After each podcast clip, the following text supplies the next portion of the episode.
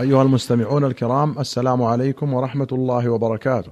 أخرج ابن أبي شيبة وأحمد وابن ماجة وأبو داود والترمذي والنسائي وأبو يعلى والحاكم بسند حسن عن عائشة رضي الله عنها أن رسول الله صلى الله عليه وسلم كان لا يتوضأ بعد الغسل.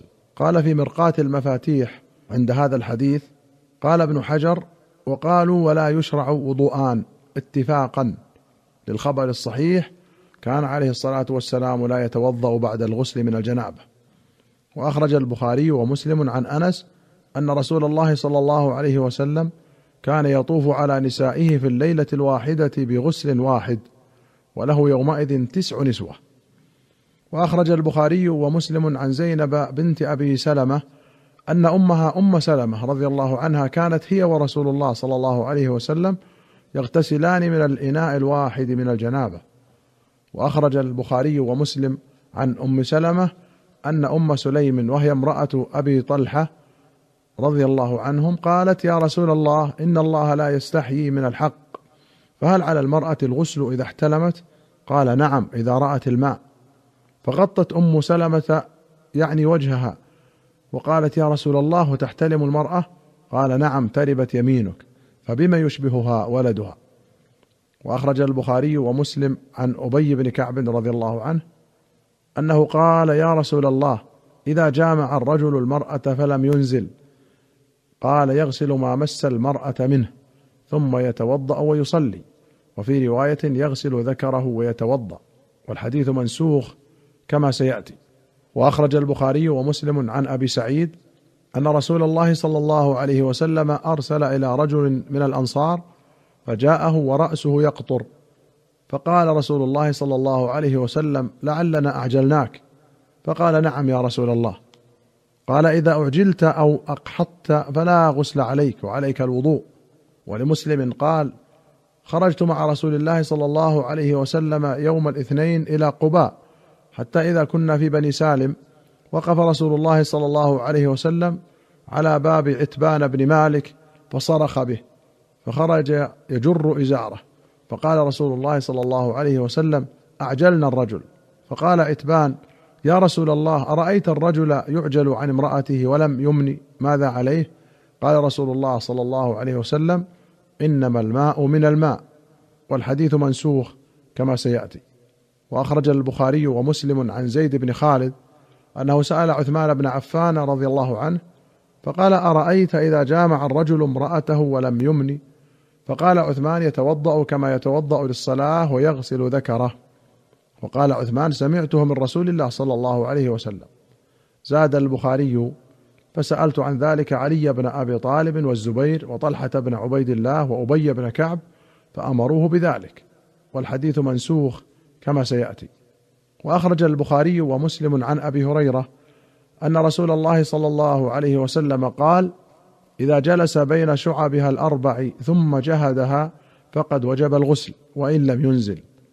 وأخرج مسلم عن أبي موسى أنهم ذكروا ما يوجب الغسل فاختلف في ذلك رهط من المهاجرين والأنصار. قال الأنصاريون لا يجب الغسل إلا من الدفق أو من الماء. وقال المهاجرون بل إذا خالط فقد وجب الغسل. قال أبو موسى فأنا أشفيكم من ذلك. قال فقمت فاستأذنت على عائشة فأذن لي. فقلت لها يا اماه أو يا أم المؤمنين إني أريد أن أسألك عن شيء وإني أستحييك. فقالت لا تستحيي أن تسألني عما كنت سائلا عنه أمك التي ولدتك فإنما أنا أمك. قلت فما يوجب الغسل؟ قالت على الخبير سقطت. قال رسول الله صلى الله عليه وسلم إذا جلس بين شعبها الأربع ومس الختان الختان فقد وجب الغسل. الختان هو موضع القطع وتماسهما كناية عن الإيلاج وليس المراد مجرد المس. فقد أجمع العلماء أن لو تماس الختانان بلا علاج لم يجب الغسل على أحد منهما. وأخرج مسلم عن عائشة أن رجلا سأل رسول الله صلى الله عليه وسلم عن الرجل يجامع أهله ثم يكسل هل عليهما الغسل؟ وعائشة جالسة فقال رسول الله صلى الله عليه وسلم إني لافعل ذلك أنا وهذه ثم نغتسل. قوله يكسل يقال أكسل وكسل. إذا جامع ثم أدركه فتور فلم ينزل ومعناه صار ذا كسل. وأخرج أحمد وأبو داود والنسائي والطبراني في الكبير والبيهقي في السنن بسند حسن عن يعلى بن أمية رضي الله عنه أن رسول الله صلى الله عليه وسلم رأى رجلا يغتسل بالبراز والبراز هو الفضاء الواسع والموضع الذي ليس به ما يستر.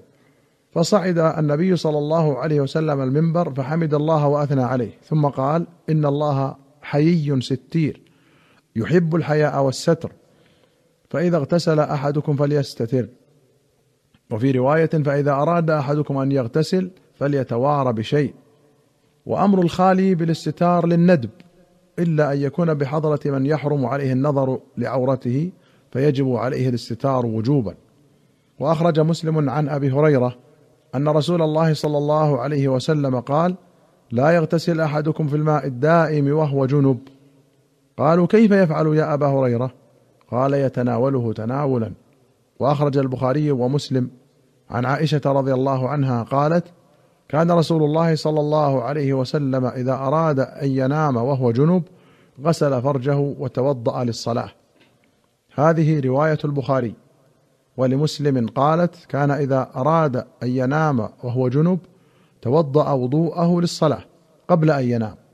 وفي أخرى له كان إذا كان جنبا وأراد أن يأكل أو ينام توضأ وضوءه للصلاة. قولها في رواية البخاري وتوضأ للصلاة أي توضأ وضوءه للصلاة كما جاء عنها في رواية مسلم. وأخرج البخاري ومسلم عن ابن عمر رضي الله عنه قال ذكر عمر بن الخطاب لرسول الله صلى الله عليه وسلم أنه تصيبه الجنابة من الليل. فقال رسول الله صلى الله عليه وسلم توضأ واغسل ذكرك ثم نم. وفي رواية أن عمر رضي الله عنه سأل رسول الله صلى الله عليه وسلم أيرقد أحدنا وهو جنب؟ قال نعم إذا توضأ أحدكم فليرقد وهو جنب. وللبخاري قال استفتى عمر النبي صلى الله عليه وسلم. أينام أحدنا وهو جنب؟ قال نعم إذا توضأ. باب التيمم. أخرج البخاري ومسلم عن عائشة رضي الله عنها قالت خرجنا مع رسول الله صلى الله عليه وسلم في بعض أسفاره حتى إذا كنا بالبيداء أو بذات الجيش انقطع عقد لي فأقام رسول الله صلى الله عليه وسلم على التماسه وأقام الناس معه وليس معهم ماء. فأتى الناس إلى أبي بكر فقالوا ألا ترى إلى ما صنعت عائشة؟ قامت برسول الله صلى الله عليه وسلم وبالناس معه وليسوا على ماء وليس معهم ماء. فجاء أبو بكر ورسول الله صلى الله عليه وسلم واضع رأسه على فخذي قد نام فقال حبست رسول الله صلى الله عليه وسلم والناس وليسوا على ماء وليس معهم ماء. فعاتبني أبو بكر وقال ما شاء الله أن يقول. وجعل يطعن بيده في خاصرتي فلا يمنعني من التحرك إلا مكان رسول الله صلى الله عليه وسلم على فخذي. فنام رسول الله صلى الله عليه وسلم حتى أصبح على غير ماء. وفي رواية ثم إن النبي صلى الله عليه وسلم استيقظ وحضرت الصبح فالتمس الماء فلم يوجد. فأنزل الله تعالى آية التيمم فتيمموا. فقال أسيد بن حضير وهو أحد النقباء ما هي بأول بركتكم يا آل أبي بكر؟ قالت فبعثنا البعير الذي كنت عليه فوجدنا العقد تحته. أيها المستمعون الكرام إلى هنا نأتي إلى نهاية هذه الحلقة. حتى نلقاكم في الحلقة القادمة إن شاء الله نستودعكم الله والسلام عليكم ورحمة الله وبركاته.